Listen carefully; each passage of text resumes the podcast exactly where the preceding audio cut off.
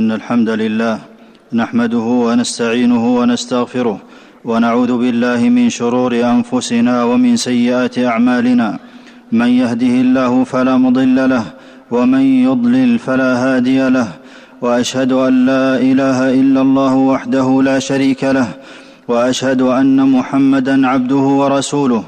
صلى الله عليه وعلى اله واصحابه وسلم تسليما كثيرا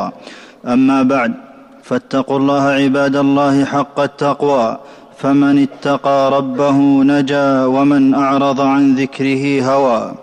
ايها المسلمون نعم الله على العباد لا تحصى وما بكم من نعمه فمن الله واللسان من النعم العظيمه ولطائف صنع الله العجيبه امتن به على الانسان فقال الم نجعل له عينين ولسانا وشفتين به العلم والبيان والتكريم لبني ادم قال تعالى الرحمن علم القران خلق الانسان علمه البيان وكل ما يقوله العبد محفوظ في صحائفه وسيلقى به ربه يوم القيامه قال سبحانه ما يلفظ من قول الا لديه رقيب عتيد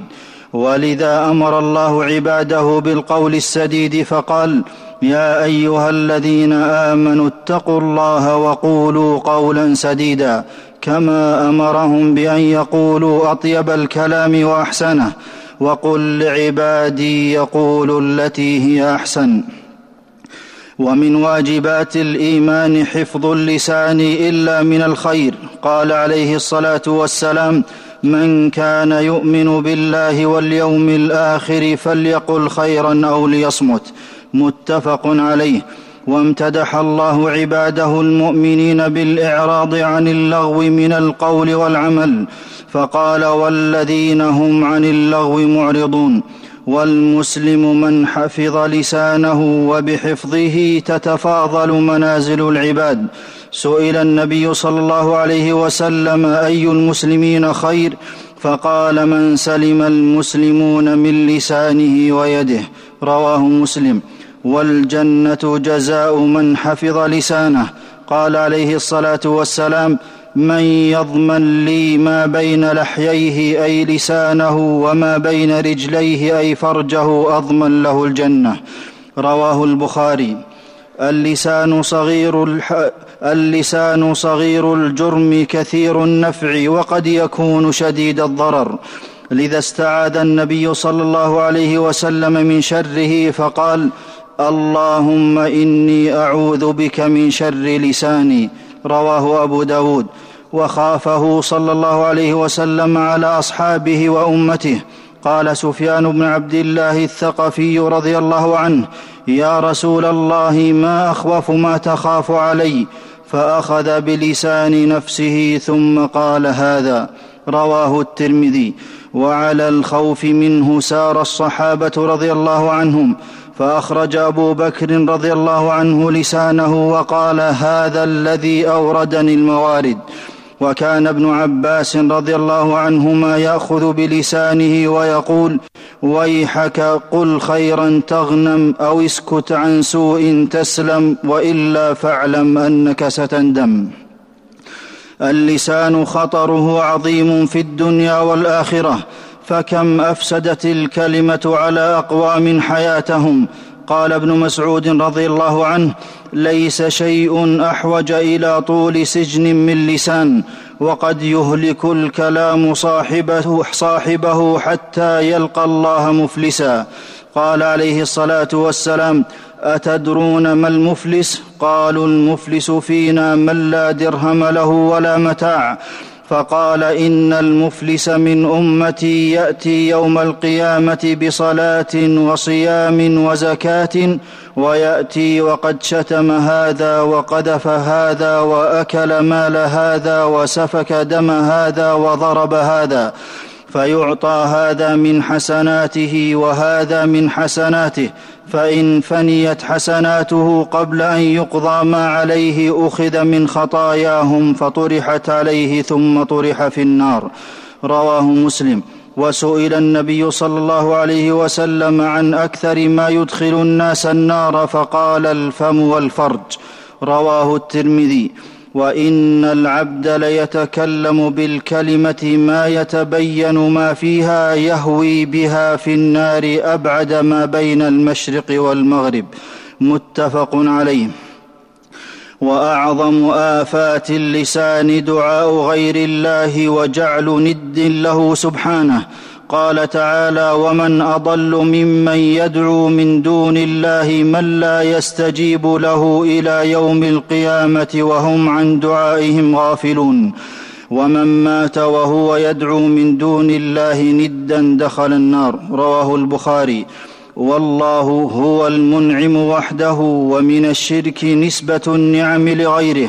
قال عليه الصلاه والسلام قال الله تعالى في الحديث القدسي اصبح من عبادي مؤمن بي وكافر فاما من قال مطرنا بفضل الله ورحمته فذلك مؤمن بي كافر بالكوكب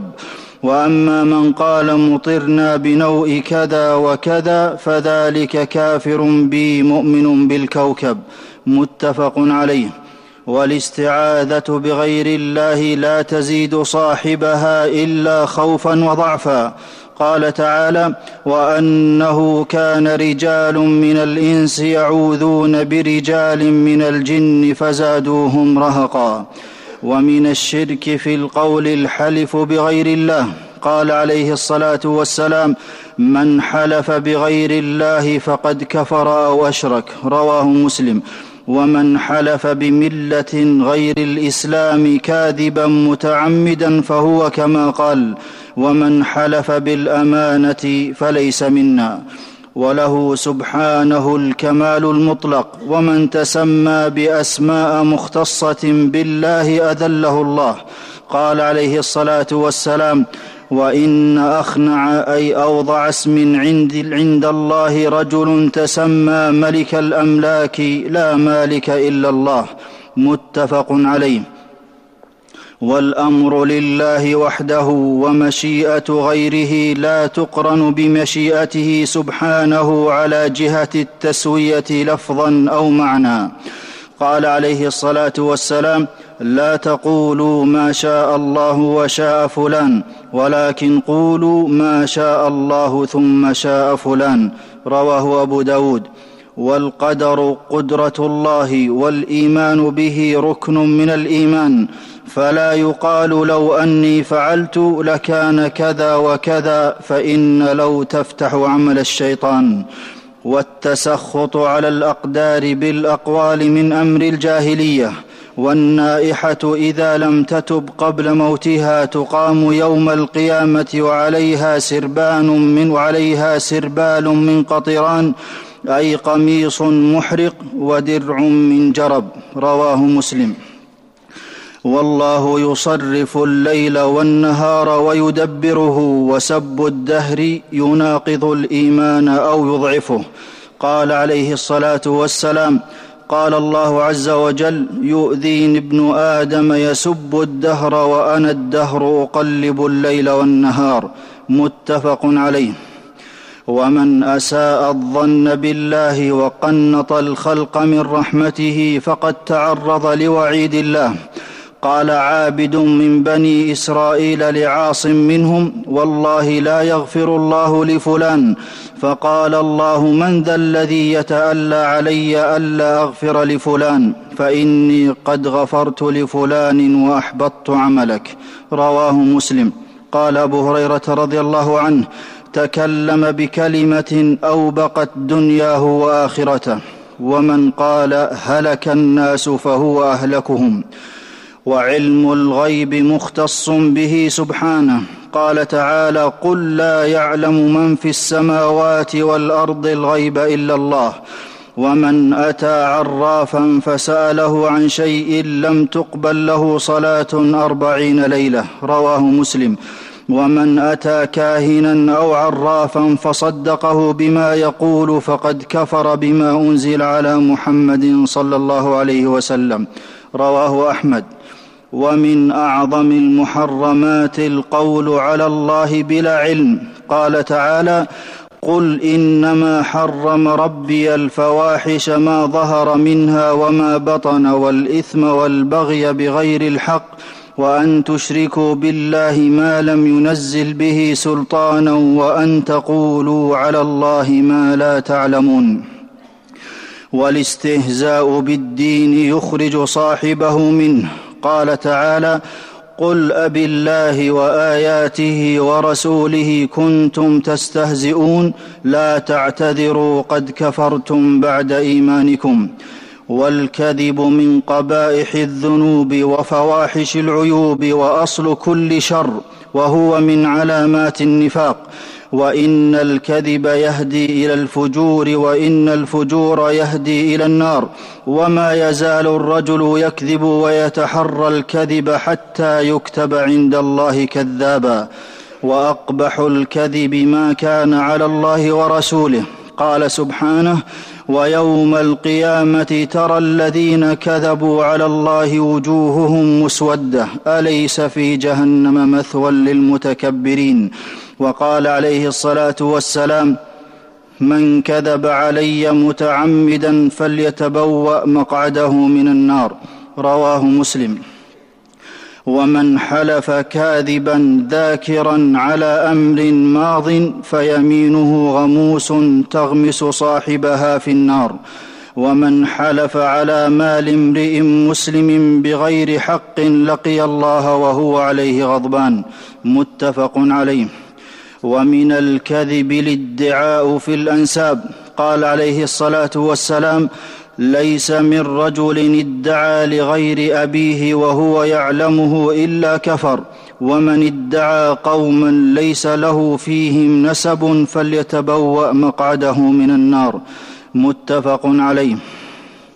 ومن الكبائر شهاده الزور قال عليه الصلاه والسلام الا انبئكم باكبر الكبائر ثلاثا قالوا بلى يا رسول الله قال الاشراك بالله وعقوق الوالدين وجلس وكان متكئا فقال الا وقول الزور قال فما يزا فما زال يكررها حتى قلنا ليته سكت متفق عليه وكل المسلم على المسلم حرام دمه وماله وعرضه ومن الكبائر شتم الرجل والديه قالوا يا رسول الله وهل يشتم الرجل والديه قال نعم يسب ابا الرجل فيسب اباه ويسب امه فيسب امه متفق عليه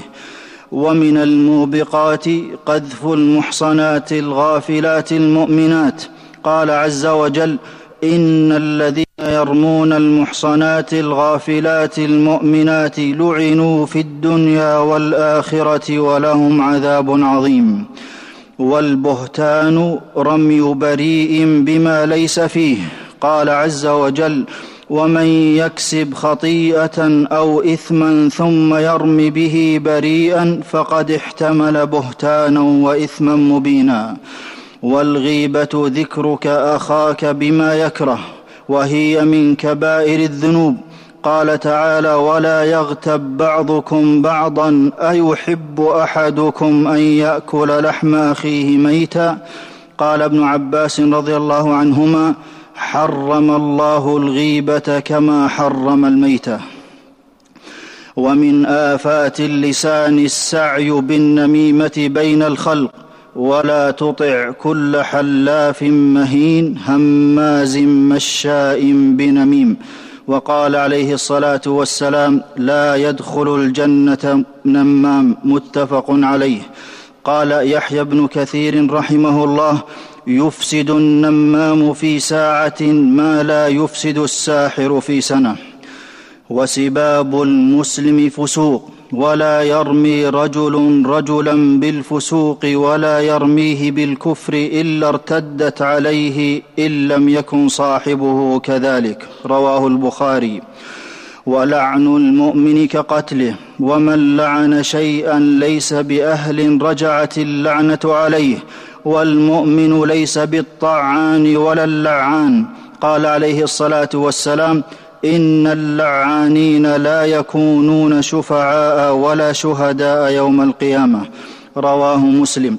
والسخريه بالخلق من انواع الكبر وبحسب امرئ من الشر ان يحقر اخاه المسلم قال سبحانه يا ايها الذين امنوا لا يسخر قوم من قوم عسى ان يكونوا منهم ولا عسى ان يكونوا خيرا منهم ولا نساء من نساء عسى ان يكن خيرا منهن ولا تلمزوا انفسكم ولا تنابزوا بالالقاب بئس الاسم الفسوق بعد الايمان ومن لم يتب فاولئك هم الظالمون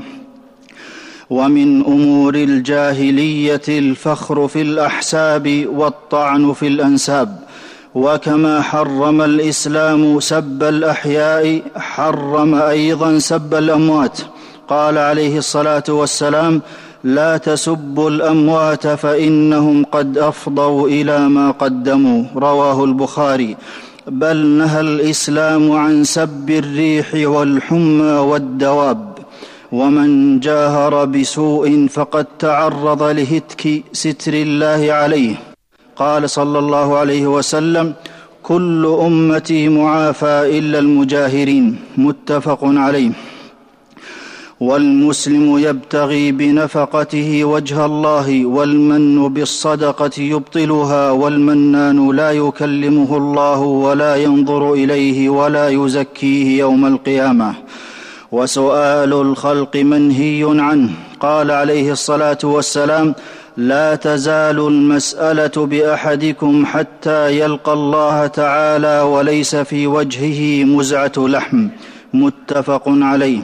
ومن جادل بباطل ابغضه الله قال عليه الصلاه والسلام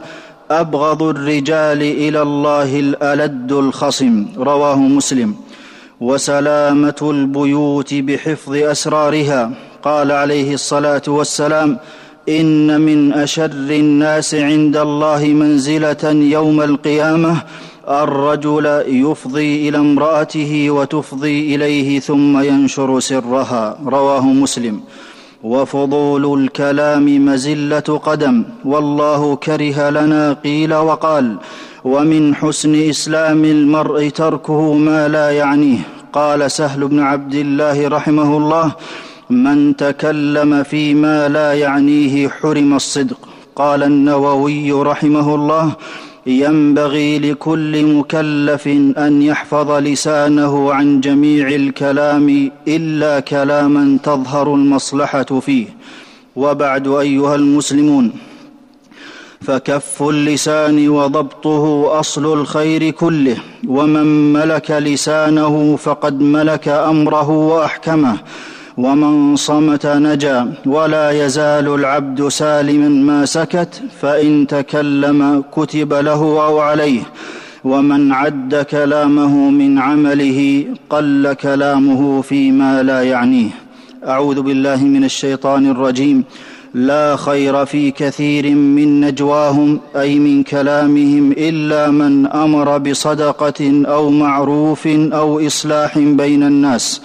ومن يفعل ذلك ابتغاء مرضات الله فسوف نؤتيه اجرا عظيما بارك الله لي ولكم في القران العظيم ونفعني الله واياكم بما فيه من الايات والذكر الحكيم اقول قولي هذا واستغفر الله لي ولكم ولجميع المسلمين من كل ذنب فاستغفروه انه هو الغفور الرحيم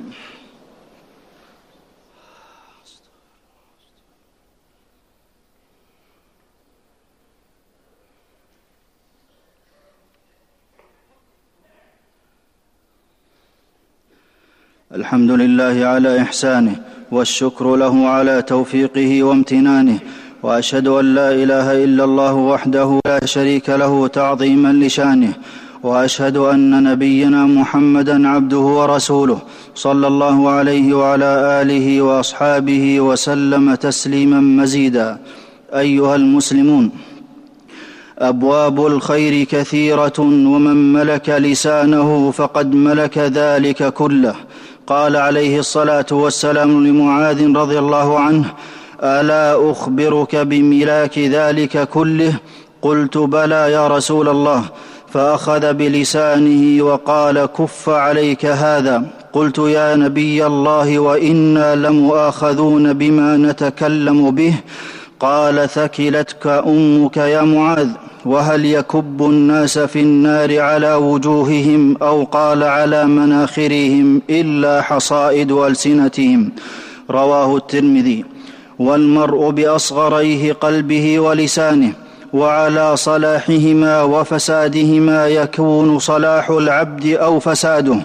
ولا يستقيم ايمان عبد حتى يستقيم قلبه ولا يستقيم قلبه حتى يستقيم لسانه